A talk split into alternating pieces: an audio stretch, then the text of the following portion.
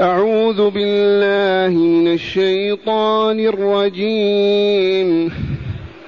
وقال نسوة في المدينة امرأة العزيز تراود فتاها عن نفسه. قد شغفها حبا. إنا لنراها في ضلال مبين.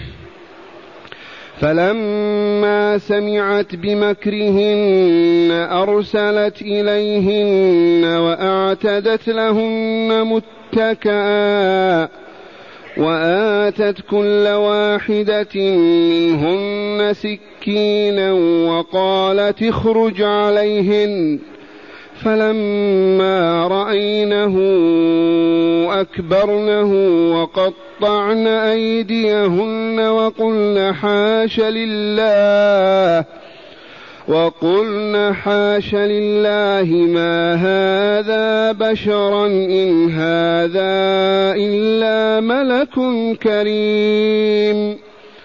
قالت فذلكن الذي لمتنني فيه. ولقد راودته عن نفسه فاستعصم. ولئن لم يفعل ما آمره ليسجنن وليكونن من الصاغرين. قال رب السجن أحب إلي مما يدعونني إليه والا تصرف عني كيدهن أصب إليهن وأكن من الجاهلين فاستجاب له ربه فصرف عنه كيدهن إنه هو السميع العليم. معاشر المستمعين والمستمعات من المؤمنين والمؤمنات بالأمس عرفنا أن زليخة مرة العزيز راودت يوسف عن نفسه وهمت بضربه وهم بضربها ثم استبق الباب وقدت قميصه من دبر وأتى الله بشاهد وهو طفل رضيع شاهد يوسف فقال ما سمعتم؟ إن كان قميصه قد من قبل فصدقت وهو من الكاذبين وإن كان قميصه قد من دبر فصدقت فكذبت وهو من الصادقين. فثبت أن يوسف كان بريئا وأن التي همت بالضرب هي زليخة وما همت بضربه إلا بعد أن امتنع من إتيانها حاجتها. وتحدث الناس وانتشرت الفكرة في البلاد وإذا بنسوة إما من الأميرات أو شريفات أو نساء الأغنياء والمسؤولين اجتمعنا وتحدثنا وتعجبنا من موقف زليخة ولعلهن طعن فيها أو اغتبن أو قلن فيها ذي عادة الناس. فأخبر تعالى عن هؤلاء النسوة فقال وقال نسوة في المدينة التي هي العاصمة في ذلك الزمن في ديار مصر ليست المدينة النبوية. ماذا قالوا؟ امرأة العزيز تراود فتاها عن نفسه قد شغفها حبا. إنا لنراها في ضلال مبين. مرة العزيز تراود فتاة خادمها. أصل الفتاة الشاب والفتاة الشابة. لكن ويطلق على الخادم أيضا وهو شاب بالفعل. هل هو تملكه أو هو مملوك لزوجها؟ الكل جائز. قد يكون وهبها زوجها هذا الغلام ليخدمها. والله يقول فتاها سواء كان مملوكا لها أو لزوجها فهو فتاها ماذا قال النسوة؟ قالوا امرأة العزيز تراود فتاة عن نفسه أي تريد منه أن يجامعها. وقلنا قد شغفها حبا أي ملأ قلبها حبه. شعاف القلب امتلأت بحبه. فما تمالكت ما صبرت ما استطاعت الصبر لأن حبه ملأ قلبها سد شعافه. وقلنا إنا لنراها في ضلال مبين. هذا القول قول النسوة في المدينة. اللائي تحدثن في غيبة زليخة وقلنا ما شئنا أن يقولن من جملة ذلك قالوا إنا لنراها في ضلال مبين. ما من حقها تقف هذا الموقف ولا تفعل هذا الفعل فهي ضالة إذا تائهة وضلالها واضح بين. إذا لا بد وأن ينتقل الخبر إليها فبلغ زليحة. أنهن اجتمعن في بيت كذا في يوم كذا وقلنا وقلنا. قال تعالى فلما سمعت أي زليخة بمكرهن مكر النسوة لا اجتمعن وتحدثن عنها وقلنا فيها ما قلنا. فلما سمعت بمكرهن أرسلت إليهن طلبت حضورهن على أساس وليمة يجتمعن فيها ويأكلن ويشربن. أرسلت إليهن وأعتدت لهن متكئا. أولا طلبت منهن الحضور لأجل غداء أو عشاء دعوة الوليمة.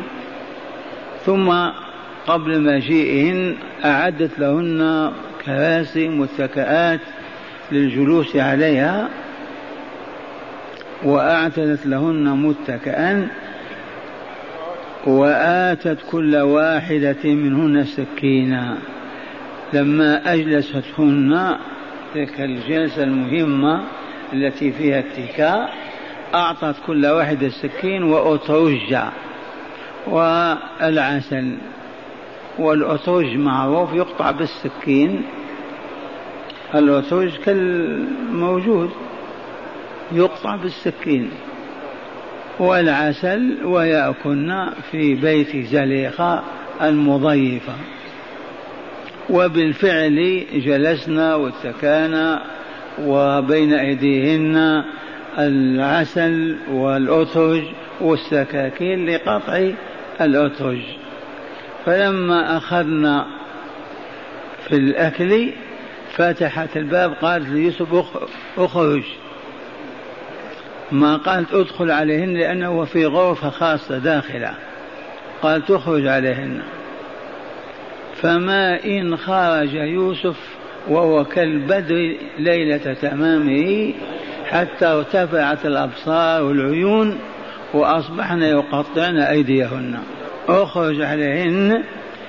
إذا فلما رأينه أكبرنه أعظمنه وأجللناه فوق المستوى وقطعن أيديهن. ليس شرطا أن تقطع اليد جرحها قطع الجلد ولكن للمبالغة يقول قطع يدي هو جرحه. كم من إنسان يقول هكذا؟ وقطعن أيديهن وقطعن أيديهن. وقلنا حاش لله ما هذا بشر أي معاذ الله أن يكون هذا هذا الفتى بشرا هذا من جنس الملائكة. لأنهن ضعاف العقول صغيرات الفهوم والعقول والمدارك. فنزهنا أن يكون غلام بشر من هذا النوع. إذا هذا من الملائكة. وكانوا يؤمنون بالملائكة ويعرفون وكانوا يصنعون التماثيل ليعبدوها متوسلين بها إلى الله. فما في عجب أن يعرفن الملائكة. ما هذا بشر إن هذا أي ما هذا إلا ملك كريم. هذه كلمات النسوة. فردت عليهن زليخة قائلة قالت فذلكن الذي لمتنني فيه. هذا هو الذي لمتنني فيه بالأمس. وأكلتم لحمي ودمي وقلتن وقلتن وقلتن كريا في بيوتكم. هذا هو. كيف لا تعذرونني؟ فذاك فذلك الذي لمتنني فيه أولا ولقد راودته عن نفسه فاستعصم اعترفت ما بقي شيء خفى انتشرت الفكرة في كل المدينة فقالت فذلكن الذي لمتنني فيه على أنني راودته عن نفسي وقلتم كيف تراود خادم عن نفسها؟ ولقد راودته عن نفسه فاستعصم واستمسك بحبل الله وأبى أن يأتي الفاحشة.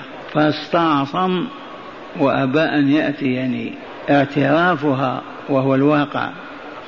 ثم قالت ولئن لم يفعل ما آمره ليسجنن أو ليكونن من الصاغرين.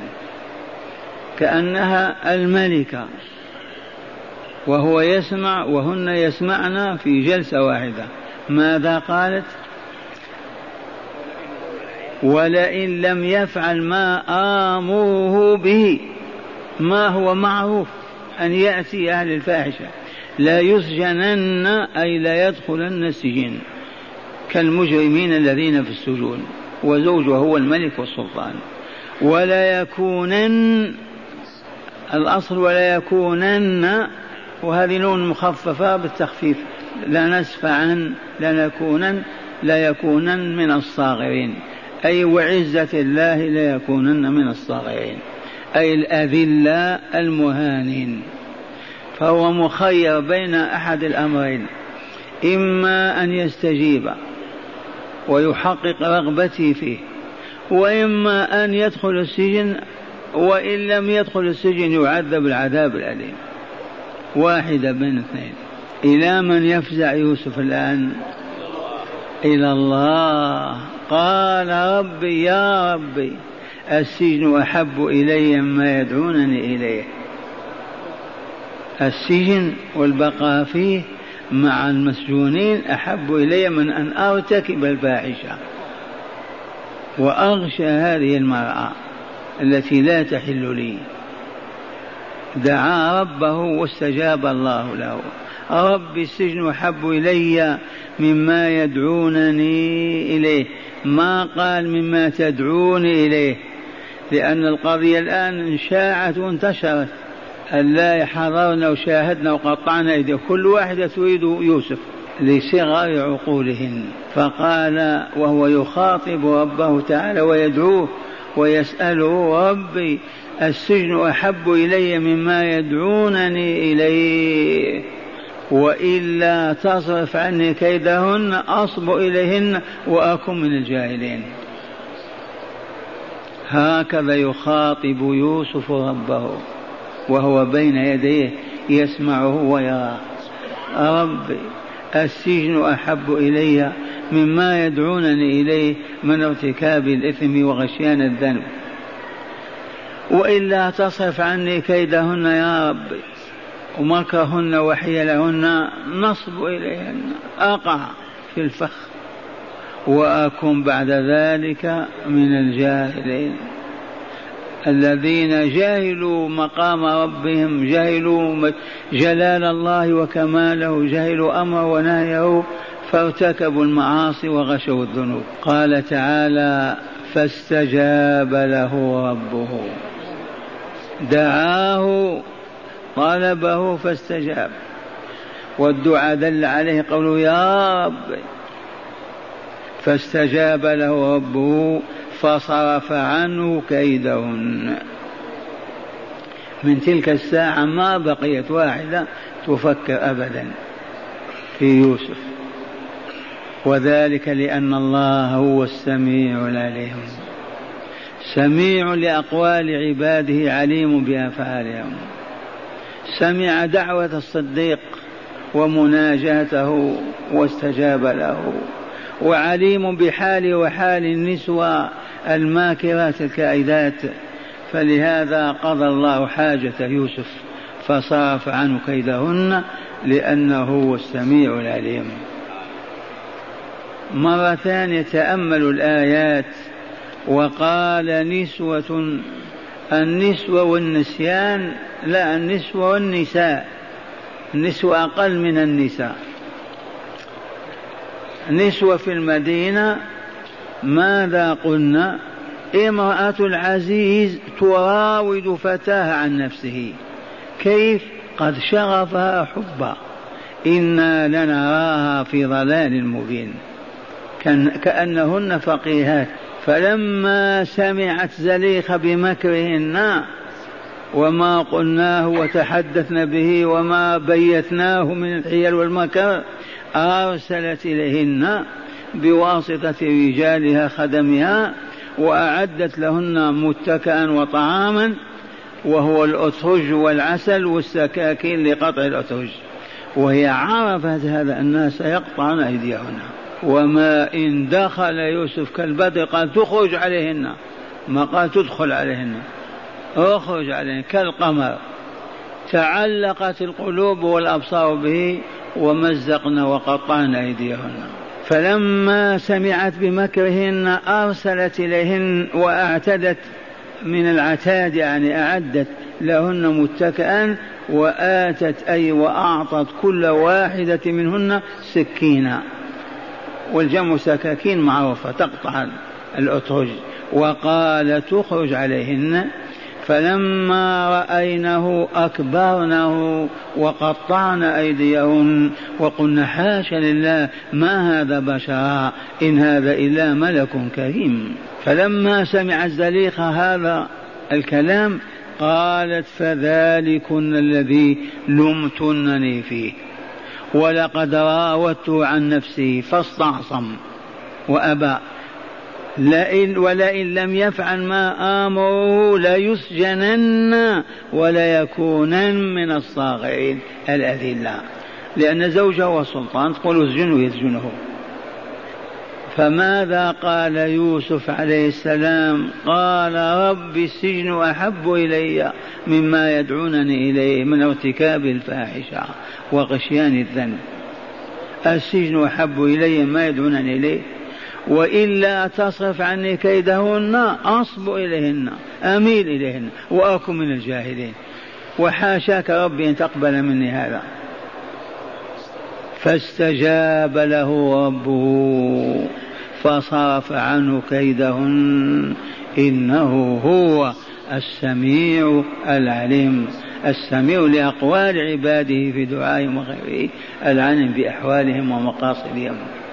اسمعوا شرح الآيات من الكتاب أيضا تزدادون بصيرة معنى الآيات ما زال السياق الكريم فهمنا السياق من ما تقدم لأن قصة كالسيل واحدة.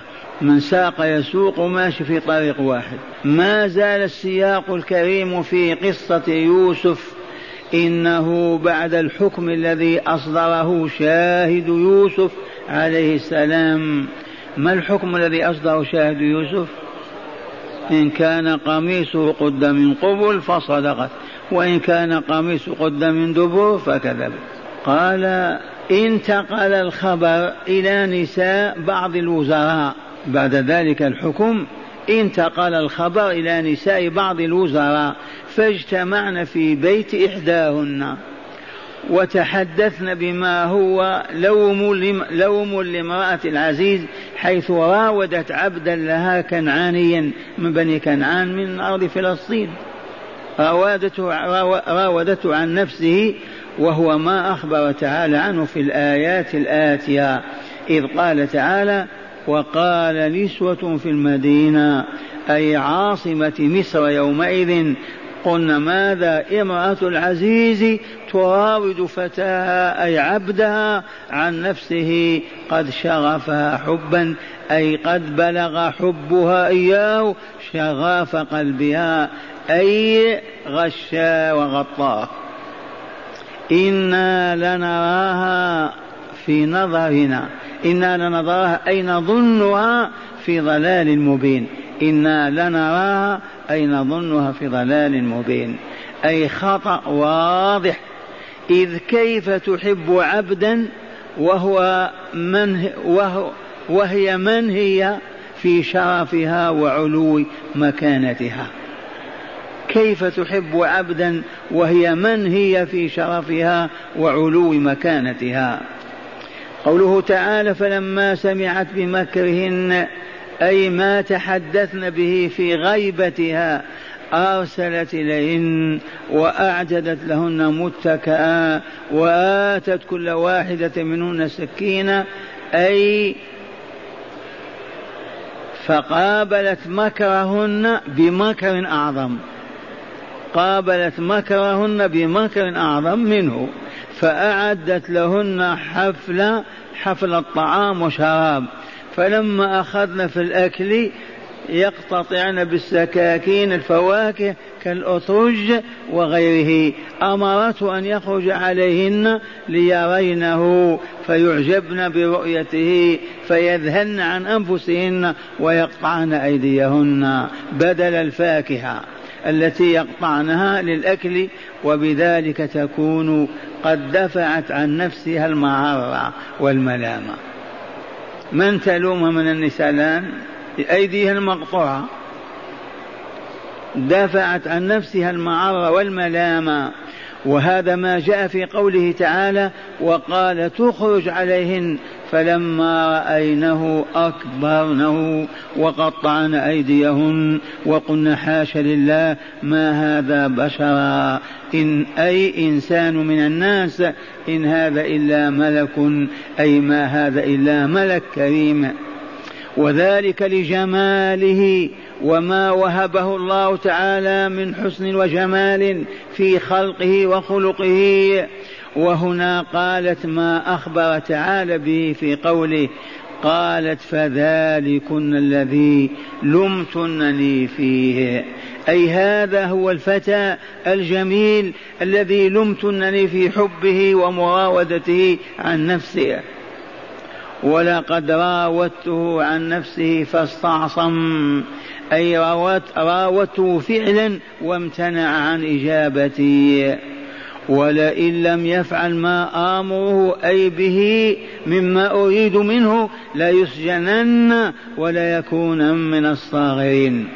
أي الذليلين المهانين. وهكذا أسمعته تهديدها أمام النسوة المتحجبة أمام النسوة المعجبات به. ومن هنا فزع يوسف إلى ربه ليخلصه من مكر هذه المرأة وكيدها. فقال ما أخبر تعالى به عنه؟ قال رب السجن أحب إلي مما يدعونني إليه. أي يا ربي فلذا عد كلامه هذا سؤالا لربه أي دعاء؟ ودعاء. السجن أحب إلي مما يدعونني إليه أي من الإثم. وإلا تصرف عني تبعدني وإلا تصرف عني كيدهن أي كيد النسوة. أصب إليهن أي أمل إليهن وأكن أي بفعل ذلك من الجاهلين أي الآثمين بارتكاب معصيتك. وهذا ما لا يريده وهو ما ما وهذا ما لا أريده وهو ما فررت منه وهربت. فاستجاب له ربه أي أجابه في دعائه وصرف عنه كيدهن. إنه تعالى هو السميع لأقوال عباده ودعائه ودعائه ودعاء عبده وصفيه يوسف عليه السلام. العليم بأحوال وأعمال عبده عباده ومنهم عبده يوسف. ولذا استجاب له فطمأنه وأذهب الألم وأذهب الألم أي الخوف من نفسه. ولله الحمد والمنة. هداية الآيات تأملوا. من هداية الآيات أولا بيان طبيعة الإنسان في حب الاطلاع وتتبع الأخبار. هذا واقعنا الإنسان بطبيعة بطبعه يحب الاطلاع ويتتبع الأخبار. واسألوا أصحاب الراديوات وقراء الصحف وما إلى ذلك. بالفطرة. منين أخذنا هذا؟ وقال نسوة في المدينة مرات العزيز كذا وكذا. أردنا أن يطلعنا. ثانيا رغبة الإنسان في الثأر لكرامته وما يحميه من دم أو مال أو عرض. رغبة الإنسان أي إنسان في الثأر من أجل ماذا؟ من أجل كرامته التي ديست وأهينت ومن أجل ما يحميه من دمه أو ماله وعرضه من أين أخذنا هذا؟ فلما سمعت بمكرنا فعلت الذي فعلت لتنتقم. وبالفعل قطعنا أيديهن. رابعا ثالثا ضعف النساء أمام الرجال. ضعف النساء أمام الرجال. لو دخلت امرأة كالقمر على عشرة أو حد عشر رجلا يقطعن يقطعون أيديهن. ولا واحد يقطع يده. لكن النساء ضعيفات ما تمالكن أبدا. لأنهن نظرنا ونسينا السكاكين بأيدينا والفاكهة بأيدينا حتى مزقنا أيديهن. ضعف النساء أمام الرجال وعدم قدرتهن على التحمل كالرجال. الرجال يتحملون ويصبرون. رابعا إيثار يوسف إيثار يوسف عليه السلام السجن على معصية الله تعالى وهذه مظاهر الصديقية. وهذه مظاهر الصديقية. آمن بالله وصدق. أصبح من أوليائه فكيف يرضى أن يعصي ربه؟ إيثار يوسف ماذا؟ السجن. قال السجن أحب إلي من أن أرتكب ذنبا من الذنوب. وهذا والحمد لله يفعله كل المؤمنين والمؤمنات. يرضى أن يسجن ولا يرضى أن يرتكب فاحشة. إيثار يوسف عليه السلام السجن على معصية الله تعالى وهذه مظاهر الصديقية. خامسا الجهل بالله تعالى وبأسمائه وصفاته ووعده ووعيده وشرعه هو سبب كل الجرائم في الأرض. هذا القول تكرر عندنا مئات المرات. لو تريد أن تعلل لماذا هذا الظلم لماذا هذا الفسق لماذا هذا الفجور لا علة إلا الجهل لما فلان يعتدي لما فلان تظلم لما كذا ما السبب؟ ما عرفوا الله. لو عرفوا لخافوه. لو خافوه لأحبوه.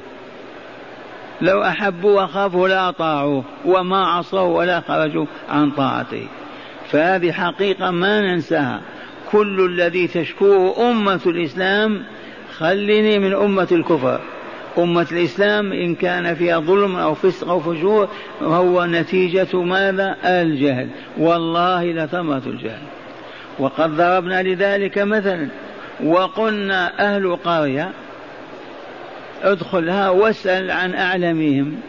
تجد أعلمهم أتقاهم وأبرهم وأصلحهم.